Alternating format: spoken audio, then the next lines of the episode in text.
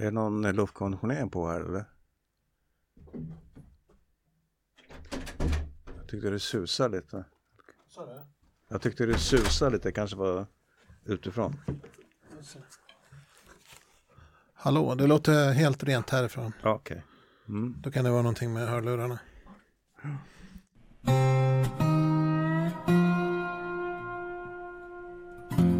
Den här podden heter Berman och Edman och den kommer handla framförallt om tv och 80 och 90-talet. Men vi kommer också att prata om en hel del annat.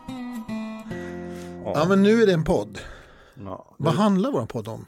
ja du, det handlar väl om att du och jag har många år eh, erfarenhet av att jobba inom tv-produktion kan vi säga. Mm. Jag som producent och fotograf och eh, kontrollrumstekniker under många år på SVT och, du lika väl som filmare och Ja, jag har ju inte den här erfarenheten från SVT till att börja med. Jag kommer, utan jag representerar den här eh, branschens start kan man säga. När liksom branschen blir, när det blir eh, kommersiell tv tillåten i Sverige och frilansarna uppstår. Vi var inte fler än kanske 50 totalt från början. Sen. Vi, alla kände alla. Mm. Ingen av oss var utbildade. Nej, precis. Och det var ju häftigt när man då var lite utbildad. Ja. Så kunde man få hur mycket jobb som helst. Ja, eller hur? För att på, ni som var inne på SVT, ni fick ju internutbildning därifrån. Ja, det fick vi till en del. Eh, och learning by doing, vi lärde oss under gång också. Så att, eh, men jag gick en så kallad kameramanutbildning Ja. I början på 70-talet. Åke Falk Mm. var med som lärare. Och så där. Det var ju jättehäftigt. Jo, men eh, som sagt var, vi, vi pratade lite grann om senast hur jag kom in i det hela. Så. Jag, jag gick in en annan väg. Men, men bland de som var med mig så förstod jag också efteråt hur många av oss som faktiskt lärde sig jobbet på jobbet.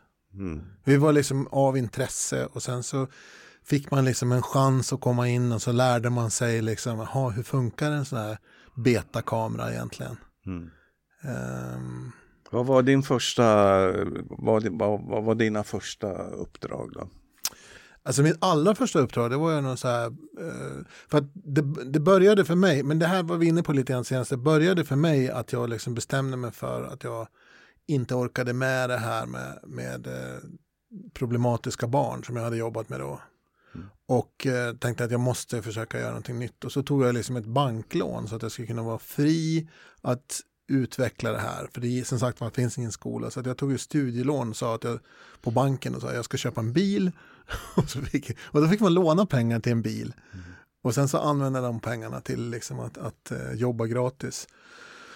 Och första så jobbade jag ju gratis då som lärling bland annat på Mekanofilm.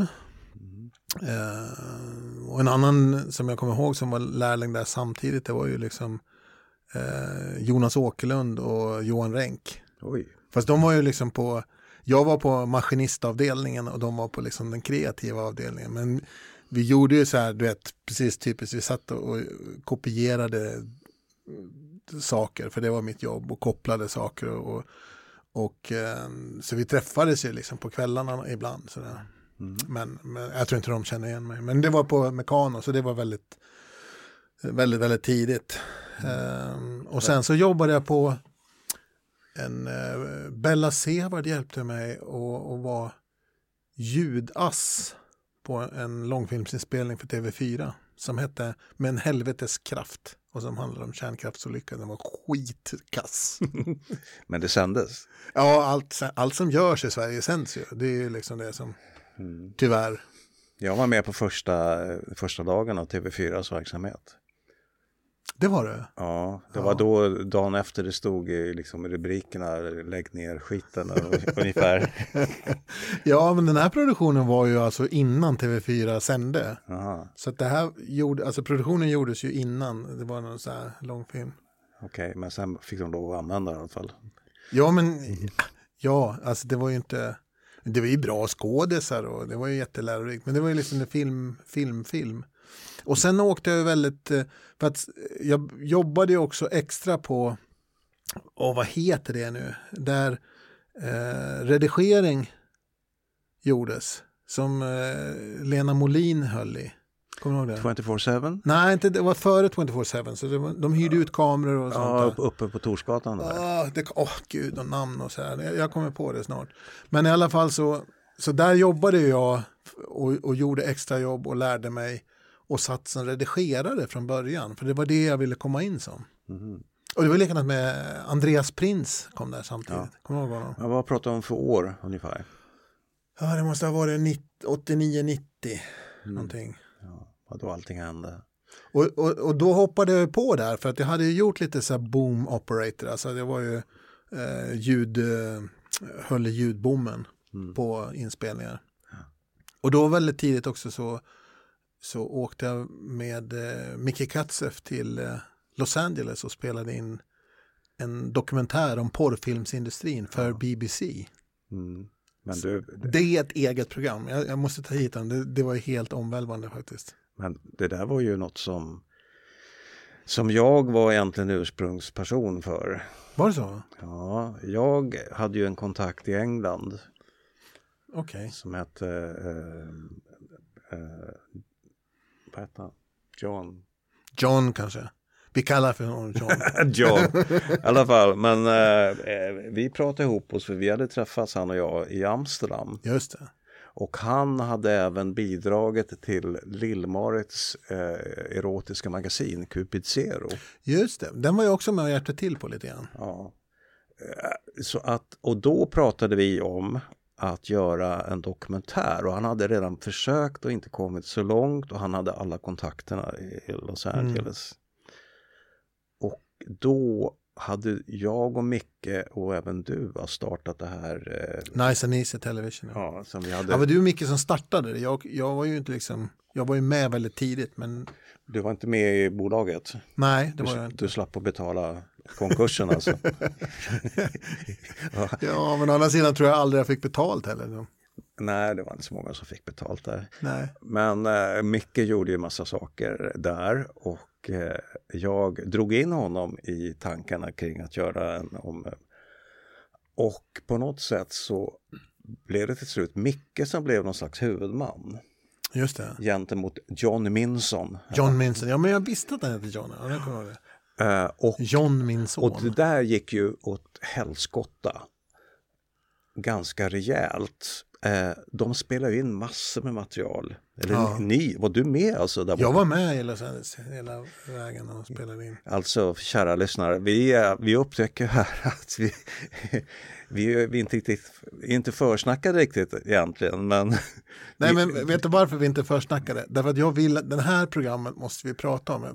Kan vi inte ta in Micke också? Eller är ni, Ja. är ni sams nu? ja, ja, Micke är man alltid sams med. Ja, Men Micke kan vi ta in för att vi har ju mycket att prata med honom om, om även om den här eh, filminspelningen i, vad var det, Enköping eller i, i Köping. Köping? Vad heter den nu igen? Uh, The Return of Jesus Part 2. Okej, Men den kommer mycket, mycket senare. ja, Den är också värd ett program. Alltså. Ja. Det är mycket som händer. Men i alla fall det som hände i Hollywood, eh, som jag minns det, och då kan säkert Micke komma med en annan kommentar. John Minson har inte jag pratat med på 30 år. Mm. Men, men eh, vad som hände var att han och Micke inte kom överens. Jag vet inte om du märkte någonting av det. Nej, det var snarare efteråt tror jag. För att Ja. under inspelningen så tycker jag att de var väldigt liksom, mycket överens.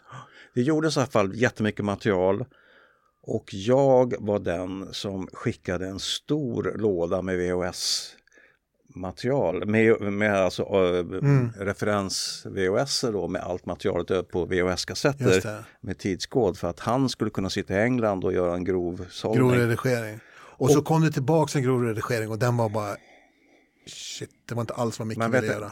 det inte klar Ja. Den fastnade i tullen. Nej. Därför att på den tiden, nu talar vi alltså om sent 80-tal va? Mm. 88, 89.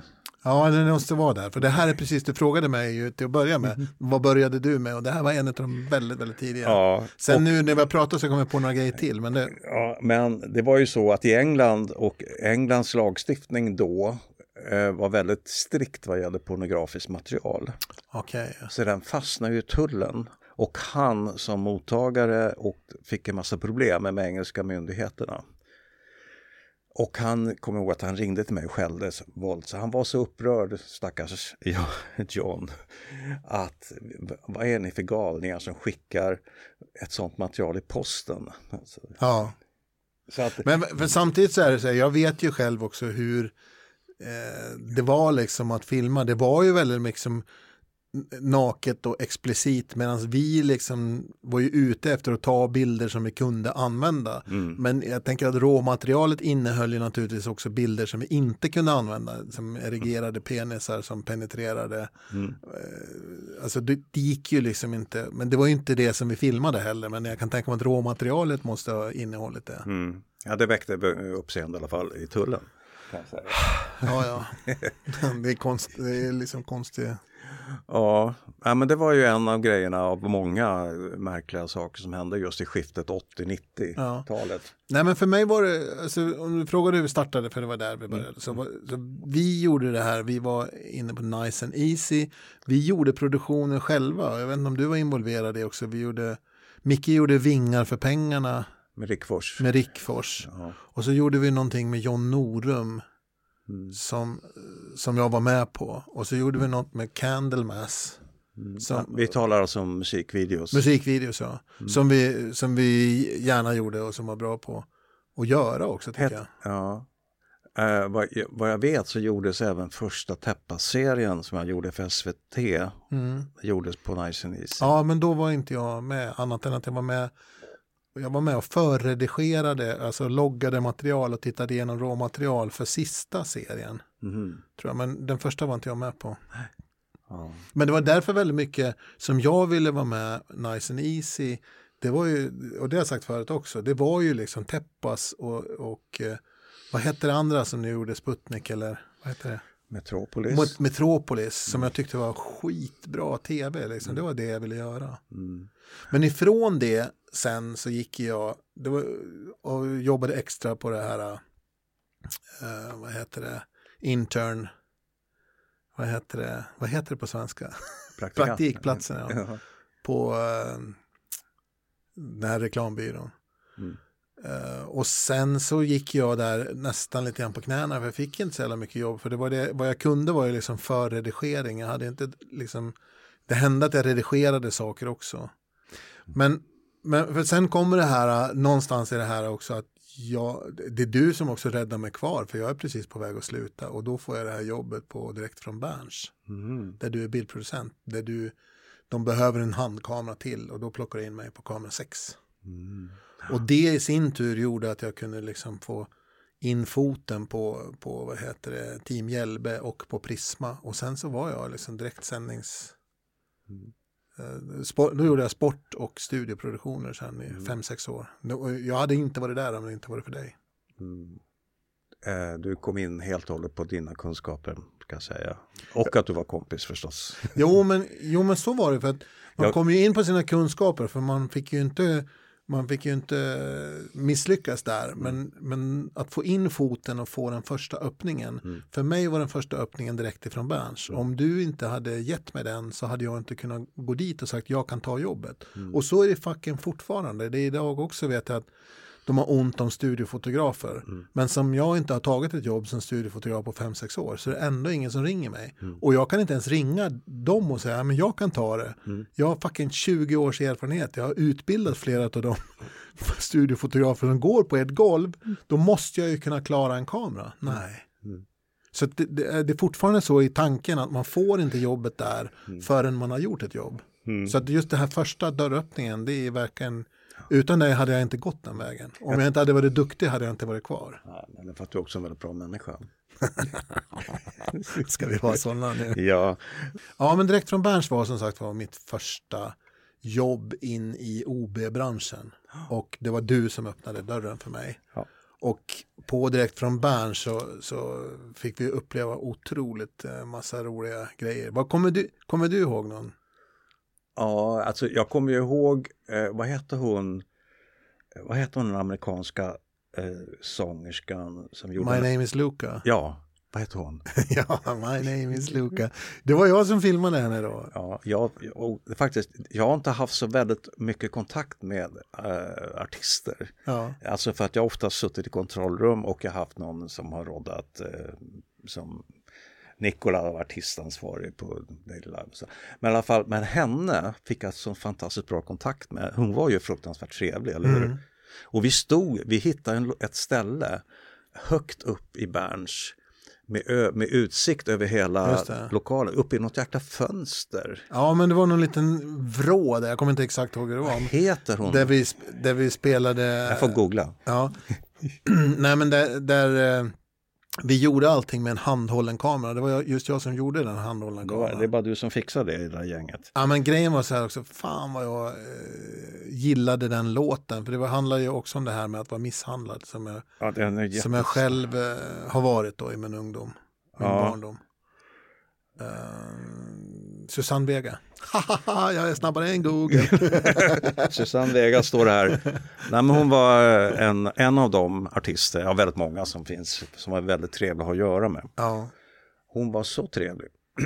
och, För, eh, för men- där finns en så här starstruck eh, ögonblick helt klart. Ja, nej, men hon var, och vi pratade lite grann faktiskt kring ämnet. Mm. Och jag sa att jag var väldigt berörd av hennes text. Ja. Och att hon hörde att den här lilla flickan, nu blir jag så berörd så att jag inte kan prata knappt, men hur hon berättar att jag, förlåt att, vi, att, att jag stör, Mm. du hör att jag gråter här nere eller någonting sånt. Ja, my name is Luca, I, I live on the second floor. Så är det. Så, så hemskt stark text. I live upstairs from you. Ja, you maybe you heard me before. Ja, men jag, jag, ja, nej, jag sjunga den också? Ja, gör det. Ta fram gitarren, Stefan. Och eh, så finns ju artister som inte är lika trevliga. Men de pratar vi kanske inte om. Nej, men alltså jag, mina ögonblick där, det finns flera stycken. Dels är det så här, eh, vad heter det, Julio Iglesias. Ja, just det. Han, Så, som vi bara inte fick filma från ena hållet. ja, kommer du ihåg att han, han, och det var Annika Jankell, programledare. Ja. Och han var ju så oerhört, jag vet inte vad jag ska säga, men han var ju så oerhört chevaleresk. Ja, han var det. Men det tar vi sen, men berätta vad du vill. Så, Att, men just det, han pratade med mig, han, han var sådär att han, han gick och la armen över axlarna på mig och sa liksom Remember only take pictures on this side och så. Och, så, eller hur? Och då blir ju alla med, inte från vänster, inte från vänster jag. nej, precis. För, Och, så, och så, vad händer? Jo, han ställer sig plötsligt upp mitt under ett snack och börjar gå runt och prata. så att vi plötsligt får vinkla, det gick inte att och det här var ju direkt sant. Ja, just det. Men sen på scenen, var, för jag kommer ihåg också, jag, på scenen där så stod jag på fel sida så att säga, därifrån han inte ville bli filmad. Ja. Och då skickade han upp en, en, en sin, sitt entourage eh, och st stod bredvid mig och kollade att jag inte liksom klipptes in och att jag liksom inte tog några bilder. Ja. Så att, eh, nej men vet du vad som hände sen? För det vet jag inte om jag berättar för dig. Det var ju så här att ifrån den positionen så skulle jag ju liksom runt till ett annat ställe. För, och jag, som handkamera så kunde jag ju jacka ur min, alltså ta ur sladden ur min kamera och springa till ett nytt ställe och stoppa in den där igen för att få en helt annan position i en annan del av, av lokalen. och jag skulle ju liksom göra det där och då var det ju rätt bråttom emellan. Och så kom jag, bredvid scenen så var det en liten trappa upp. Och jag springer upp för den här trappan och precis när jag ska igenom den sista dörren då, då kommer hans entourage. Och vi snackar som typ 30 personer. Det var liksom fyra frisörer, eh, två med kläder, eh, managers, managers, assistenter. Det bara kom person efter person efter person. Jag kom inte in efter den. Näst sista person kommer liksom Julio Iglesias utan då strumpor i sina skor kommer jag så jävla väl ihåg. Och kommer fram till mig och säger Thank you, you were so kind och gav mig en puss på kinden. Så jag, jag har fått en puss av Julio Iglesias. Och då var han väldigt, väldigt glad för att vi hade respekterat hon, hans ovilja att bli filmad från ena hållet och att vi hade skött det så snyggt. Så det, därför så fick jag liksom en kram och en puss på. Åh, gulligt. Och den är ju riktad egentligen till dig då. Och då jag var, hade ju väldigt lite med det att göra. Ja, ja, men det är, så, det är så häftigt. Ja. Men det, jag har inte berättat den för dig. Nej, Nej, det ser jag. Men det är en sån här, jag mötte Lasse i ögonblick. Nu kan du dö lycklig. Nej, men det, det är häftiga såna här. Nej, och sen så har jag också träffat Toto ensam. Ja. Det har jag också gjort faktiskt. Ja. Men i, i direkt från Berns sammanhang eller? Nej. Jag eh, var i Los Angeles med Anders Tengner, eh, rockjournalisten. Och vi hoppade runt olika artistmöten där. Ja. Därför att eh, vi hade ju ett bra samarbete med skivbolagen så att ja, vi kan fixa eh, Kiss kan ni träffa på Hollywood Drive klockan 14 och sen Mm. Toto repar i någon gammal hangar utanför Los Angeles någonstans på något flygfält tror jag var. Och då hamnar jag alltså hos Toto i en lokal eh, och håller de på att repa någonting eller någon, och fnular och de var jättetrevliga. Mm. Och så frågar jag om vi kunde, kan ni inte spela någon, någonting? Och då kör de två låtar bara för mig Mm. eh, inne i den där hangaren och jag kutar runt med en kamera och vi hade inga, inga ljudprylar med oss. Jag tror jag la en handmick på golvet framför ett par högtalare. Just det. Och det blir ofta rätt bra ljud. Ja.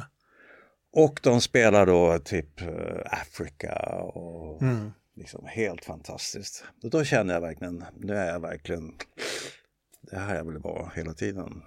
Ja, men för det var ju liknande. För skillnaden mellan liksom, för va- varför är det så här mycket mötte Lasse, det måste man förklara för de andra också. Det är liksom som kameraman i en sån produktion så är du ju liksom rätt långt ner i hierarkin och normalt sett så har du liksom inte den här samvaron med några artister eller så du ska inte ha det heller. Så därför blir det ju liksom speciellt när de här artisterna tar sig tid för oss. Mm. Så säga. Men, men sen medan du som bildproducent är ju liksom mycket närmare den produktion, redaktion, producentskapet och, och träffar ofta liksom, oftare Mm. och har att snacka med Susanne Vega och så. Ja, men du, du snackar med henne också. Det kanske jag gjorde. Ja, jag tror att vi hade trevligt där uppe. ja, det, var, det var ju bara hon och jag uppe i den här skrubben så jag tror några ord pratade vi med varandra. Ja. Jag minns henne som trevlig också. Nästa ögonblick i den här, eh, i den här på Direkt från Bern som jag måste också berätta. För den utspelar sig också i samma trapp. Mm. Och jag vet inte om du var med då, men det var ju liksom Sven-Ingvars och Sven-Erik Magnusson. Jaha. Och då hade ju de haft en sån här spelning på Hultsfred. Eh, och, och släppt en låt som heter HH ja ja. Mm. Som var liksom en, en rockig version av en gammal Nils Ferlin-låt.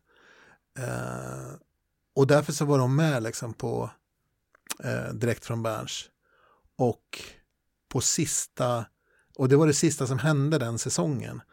Så att de stod på scenen och så eh, och det var ju ett sånt där hippt program liksom, så det ska vara hippt så att det är liksom Ja, ja, vi släpper väl in Sven-Ingvars. Liksom så här. Men sen så ska han undan så ska vi spela någon, någon tråkig innerstads-DJ som sen skulle liksom spela för publiken som var kvar där Mm. medan vi riggade ner.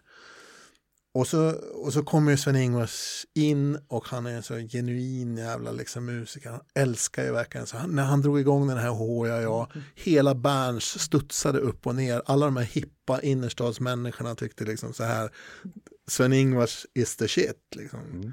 Men det tyckte ju liksom inte de som bestämde utan de som ville fort få av honom ur scen. För att, så- och, jag kommer ihåg att jag var så jävla sur på det där. Och sen så började jag rigga ner och precis då så, så kom jag in, samma ställe ungefär där jag fick en puss av Julio. Så träffade jag Sven-Erik Magnusson och så, och så, fan vad bra det var liksom. Fan tack så mycket, det var så jävla coolt, det bästa på hela säsongen. Och så säger jag till honom så här, fan kan inte ni spela lite mer? Mm. Får vi det? Och jag bara kommer ihåg det här så jävla väl. Därför att en musiker som har spelat 25 år på scen varannan jävla dag i sitt liv älskar sitt yrke så mycket så att när han fick kontakt med publiken så ville han bara spela ännu mer. Och så fick han inte det. Han fick inte det. Nej, Nej. nej, utan det skulle liksom vara DJ-musik. För det är klart att Sven-Erik, alltså Sven-Ingvars kunde ju ha liksom ställt sig på scen och kört ett tre timmars set utan liksom att blinka. Ja. Eftersom det gjorde de var och varannan dag. Det kanske var någon deal de hade med lokalen också där. Att de måste vara fort iväg för... Nej, nej, nej, då drog jag på disco sen. Ja. Och då, så fort diskot gick igång så tömdes ju dansgolvet.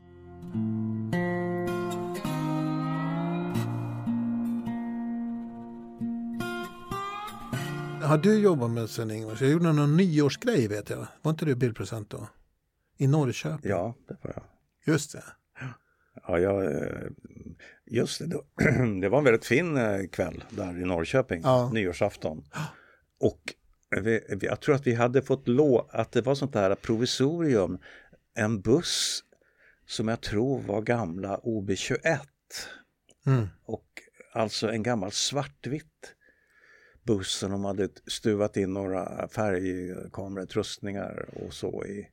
Så det var liksom sådär typ snäppet ovanför husvagn då, i, Ja. i teknik sådär va. Ja. Och vi körde en stor jäk, jäkla direktsändning. Boppers var med också. Ja, och eh, Sven-Bertil Taube var med. Ja, det, det minns jag inte. Men... Ja, och där hade jag en sån där lite, jag, jag mötte Lassie som jag kommer ihåg så väl. För han var lite Julio. Eh, han var sådär ruskigt trevlig. Han var Ja. så jo du Lars, så, så lägger han arm, armen om min, över mina axlar. Och så, går, han, så går, går vi runt av lite i lokalen där och så säger han att han hade med sig eh, bilder från sin barndom Mm. med sin pappa Evert eh, och någonting som han ville prata om det på scen och så ville han att det skulle kunna projiceras i bakgrunden. Ja, just det. Någonting sånt. Och det var ju en stor affär på den tiden. Och framförallt om man satt i en, i en husbil. Liksom.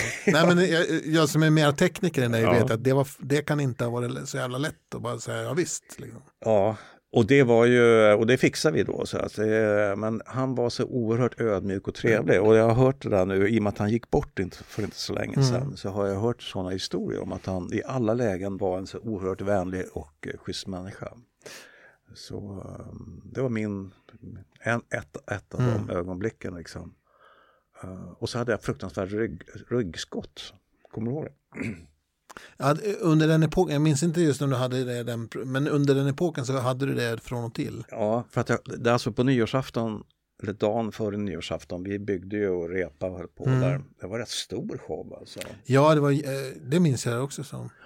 Och då, Och det måste ha varit för fyran då, eller? ja, det var, det var fyra. Huvudsändning för fyran, ja. Ja. Och då eh, small det bara till och jag, jag, när jag fick ryggskott på den tiden då, då såg jag ut som ett gem. Alltså, Ja, jag, men- kunde, jag kunde ibland falla upp på marken, jag kunde inte ta mig upp själv. Alltså, det var så fruktansvärt. Men då eh, Ja, lyckades för det minns jag däremot hur det kunde vara när du hade det. Ja. Jag minns inte att det var just den produktionen. Nej, men det var, det var en av de produktioner som jag i alla fall, jag tror att det hade att göra med, jag vet inte vad, jag kanske halkade till också ute. och. Men då hittade vi en eh, sån här akut kiropraktor i Norrköping Mm. som fick stoppa nålar i mig och allt möjligt sånt där. Så jag lyckades komma igång i alla fall. Men, eh, Ja, men det är verkligen det, du, och, då- och på, tal om det då, led- leder då osökt över till, till en annan gång jag hade ryggskott och det var när jag körde eh, Europe på eh, eh, nyårsafton 2000, millenniet. För då hade jag ryggskott och kunde knappt ta mig upp i bussen alltså. Men wow, ska vi ta hela den? alltså vet du hur stort det är för mig med millenniet? Ja, men varför inte? Vi har ju tid. Då måste jag ju börja och berätta först att vi hade ju olika roller där. Och just millenniet är ju den största produktionen där jag liksom har gjort det mest betydelsefulla i mitt liv. Liksom. Så jag var projektledare som jag köpte in fyrverkeri för 4 miljoner. Eh, jag hanterade en budget på typ 20 miljoner som Ja. brändes på en enda kväll. Ska jag bara säga det att vi pratar alltså om TV3, Ja, just det. vi pratar, Kinnevik vi pratar om Kinnevik, vi pratar om och Stenbeck. Stenbeck. Och nu var, fick han Stenbeck långfingret när du räknade upp. Det var väl ändå inte meningen. Nej, jag har, jag har aldrig träffat honom. Nej, jag, jag, jag träffade honom vid, vid ett par tillfällen. Hur var han då? Dels så var det någon som man var lite rädd för på för att det hände saker med honom att han kunde liksom vara lynnig och avskeda folk på dagen och så här. Men det var också så här, han var lynnig eller hade det som idé att faktiskt dra igång grejer och säga ja. Mm. Eh, Så det fanns ju liksom när, så länge Stenbeck, och, och någon sån människa finns egentligen inte längre som bara kunde säga ja men det gör vi. Det är ungefär som jag kan tänka mig Elon Musk måste vara. Mm. Och det är väl samma liksom runt honom, att, att, att han faktiskt... För jag, till exempel så har jag läst om och också träffat dem som var med och startade Metro. Mm. Tidningen Metro som var en jätte... lyckad satsning. Det var ju någon, de gick ju som hade den idén om att ha en, en reklamfinansierad tidning som man inte köpte lösnumret av. Eh, de hade ju gått till Bonnier först Mm. och Bonnier hade sagt ja men det tar väl ett år, ett och ett halvt att reda ut det här så, så ska vi kunna liksom ja, du vet, räkna på det och, och ja, vi tar vi, och de bara, vad fan. Och så på vägen hem så går de förbi liksom Kinneviks kontor och så sa, fan vi går in hit och frågar också. Mm. Vi har ju pitchen klar. Mhm. och eh, och då, då, då är det ju han, ja, nu kommer jag inte ihåg hans namn, men vad är, som tog emot deras samtal och eh, fan det här verkar vara en bra idé. Så ringer han till Stenbeck som sitter i New York och så berättar han liksom, här, ja. Eh, och så ställer han de här eh, två frågorna som man alltid skulle kunna svara på. Mm. När kan ni börja? Och då som telefon, ja men när kan ni börja? Vänder sig till dem och så bara, åh. Ja men hallå, när skulle ni kunna börja som tidigast? Ja, vi skulle kunna få ut den första om tre månader. Eh, Okej, eh, hur mycket pengar behöver ni för att komma igång? Vad kostar det? Och så- Jag vet inte siffran där, men förstår du, de två frågorna ställdes Mm. och på stående fot så fick de ett ja. Mm. Det tog, hela processen tog 20 minuter. Mm. Och, så att å ena sidan så kunde ju liksom han lägga ner någonting på 20 minuter men han kunde också starta någonting på 20 minuter vilket också gjorde att det fanns en kraft i Sverige som om man kom med en riktigt bra idé så skulle man ha kunnat starta den. Och den kraften eller den öppningen finns inte idag i, i den här. Om du, om du kommer från fel sida järnvägen, ifrån fel klass, Mm. inte känner personer så kan du inte starta någonting. Men det kunde du om du hade så länge Stenbeck levde. Och det var häftigt. Det var häftig känsla runt honom. Mm. Ja, du och jag jobbar ju en hel del med de där olika bolagen, eller hur? Vi gjorde ju saker. Ja, precis. Och det var ju lite sån atmosfär att, att fick man ett jobb då fick man ganska schysst betalt. Ja, Och det gick fort. det gick fort. Och så kunde de samtidigt säga liksom att du, nej, vi slutar där. Ja, För jag, jag, fick ju, på dagen. jag fick ju gå någon gång också, kommer jag ihåg, för att, Ja. jag, för att jag inte platsade på något sätt i någon, Mm. sammanhang. Så, men samtidigt nästa dag fick jag något och då fick jag en bra slant för det. Så att, eh, det var, Jo, men det- det var ju lite grann hans strategi också. För att naturligtvis så hade jag ju, jag hade gjort en massa saker i och med att jag hade jobbat ett år då på Gammelstans bryggeri som ansvarig där och varit med och dragit igång en massa saker. Så de visste ju vem jag var. Men att jag, just jag skulle få jobbet som huvudansvarig för Millenniekvällen, mm, det var ju långt over my pay grade. mm, Det var ju liksom, man sa, men fan han verkar, och det var ju så han gjorde lite grann, fan den där verkar duktig, honom tar vi och lyfter. Mm. Och så lyfte han ofta folk ett par steg. ja, Och fördelen för honom med det, det var ju liksom också att det fanns ingen prestige. Jag kommer ju nu slita som en jävla djur för att klara av det. mm, Och eh, han kunde plocka bort mig över dagen. Mm. Det var ju 40 veckor i sträck utan, utan ledigt egentligen. 40 veckor. Ja, som jag jobbade med det. Mm. Ja, jag hade bara ett par, tre dagar ute på Skeppsholmen Mm. då, eh, bakom uh, Chapman där. Så, eller vi, bredvid Chapman så byggde vi upp scenen. På en...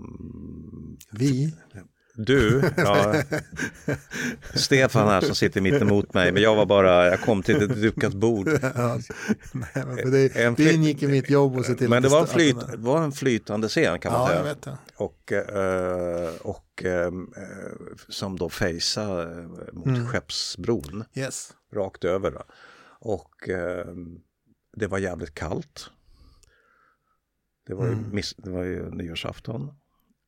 Det var snor, jag vet inte om du kommer ihåg det, det var alltså minus 20 hela Ja. dagen. Och jag hade då, ett, jag, hade, jag hade då eh, Europe som skulle köra The Final Countdown.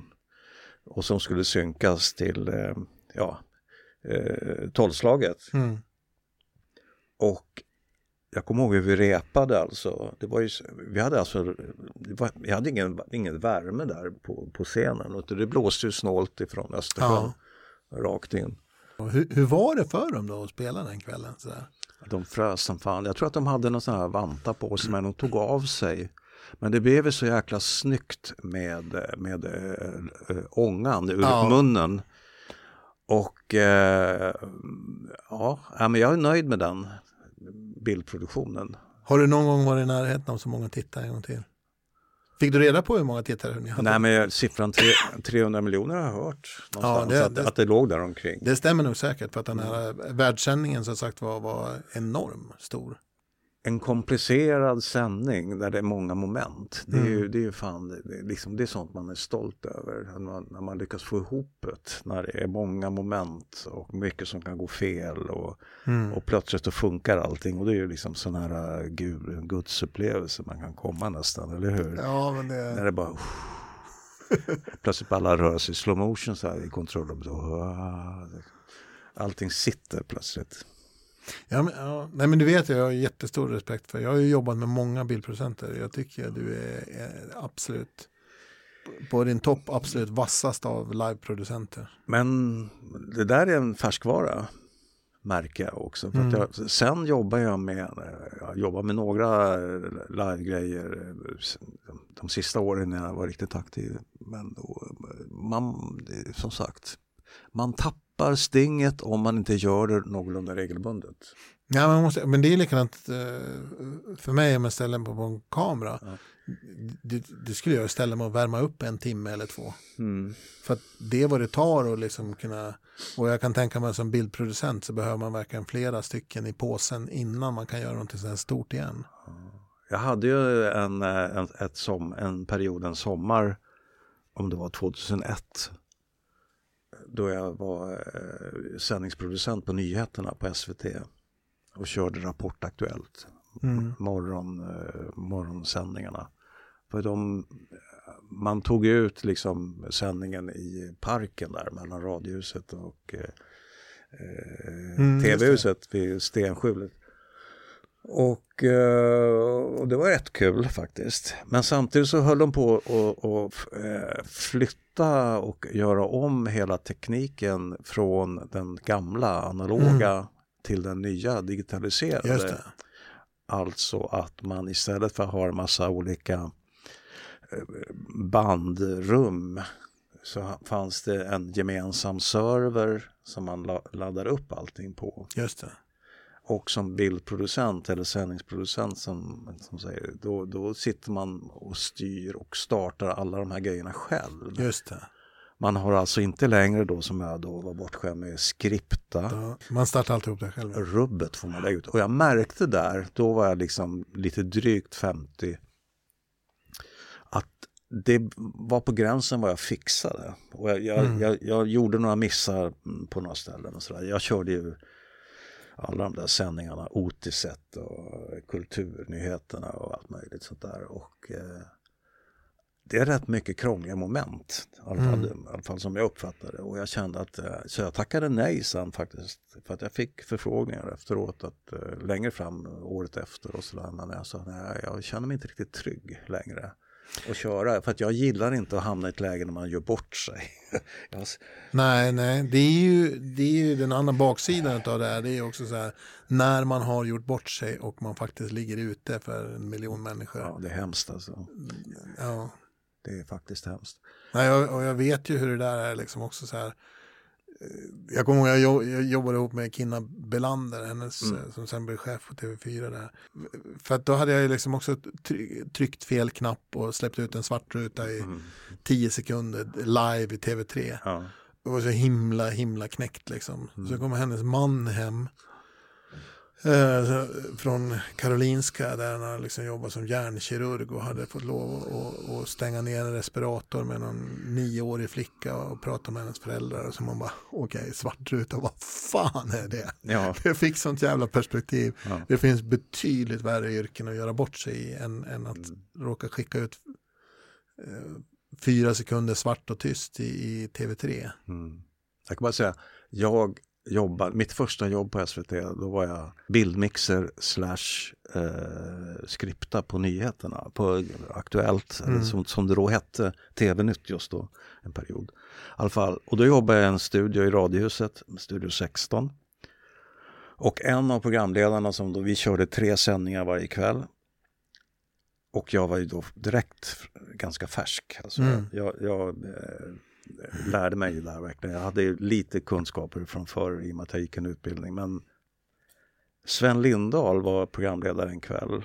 Och han sa att, kom ut till mig i kontrollrummet där jag satt vid mixerbordet och så sa han Du, i det här telegrammet mellan eh, de här orden och mellan eh, eh, kartan som ska komma in där Ja. så får du inte klippa in mig. alltså, klipp, Ja. klipp för fan inte in In- mig. Nej, just det. Och, Och- vad gjorde du? Jag klippte in honom Ja. och fick en utskällning förstås. Så. Men de här första tre veckorna jag jobbade i kontrollrummet där, då lärde jag mig allt och gjorde alla fel man kan göra. Och klippa svartrutor, Ja. starta fel inslag, eh, gjorde en vipe från ett inslag till en, till en bild trodde jag, men det kom istället en fel. En, väder, en vädermänniska som står och kliar sig eller något sånt där. Ja. Och så efter tre veckor så var jag beredd att sluta. ja. Jag tänkte det här är inte min grej. Men. Jag började röka också. Jag hade inte rökt innan. Men Nej. alla, på den tiden hade vi askkoppar på kontrollrummet. Ja. På, på, på bordet i, i studion. Överallt. Och vi pratar nu 1970 alltså. Så eh, jag, jag, jag, jag, går och säger upp mig. Men då passerar jag någon vägg, någon vall. För att jag upptäckte att jag, har, jag, jag kan inte bli rädd längre för, jag kan inte göra mer fel. Och jag kände på något sätt att jag hade också byggt upp en, en, en, en trygghet i det. Mm. Ja, men sen är det ju så här också att vad är erfarenhet egentligen? Jo, det är antalet, ett antal fel som man redan har gjort och sen blivit bättre på. Och det går nästan inte att skaffa sig erfarenhet utan, utan att eh, göra en viss mängd med fel. Mm. Faktiskt, Eh, det, går, det går inte riktigt. Men gud vad eh, mycket vi har hunnit prata om och Ja. ändå inte hunnit prata om. eh, Ja, jag känner för att lägga av. Nej, men, ska vi ru- runda av någonstans? Vi har, vi har startat en massa trådar här också. Sen. Jag skulle vilja att vi pratar mer om eh, Playpen of the Damned, den inspelningen eh, där i, i, Hollywood. i Hollywood. Eh, men vi kanske ska ha någon gäst då. Eh, Millenniet, ja visst, väldigt mycket av det handlar om icke-tv när det gäller mitt jobb. Jag har ju tusen historier att att berätta om Mm. Stenbeck och, och vad han gjorde den kvällen och så. Eh, Men det kanske inte hör hit och så Mm. vidare. Så vi, ja, nej, men vi börjar. Ja, nej, men vi är som sagt startade trådar. Vi får eh, nysta vidare. Sen. ja, jag tänkte det var så ett bra slut så jag tänkte det gäller att vara tyst så då kan du klippa där. Ja, okej. Podden du just har lyssnat på producerades av produktionsbolaget Berman och Erdman Produktion. Musiken kommer från audionautics.com och du följer oss på Facebook där vi har en grupp, Berman och Erdman.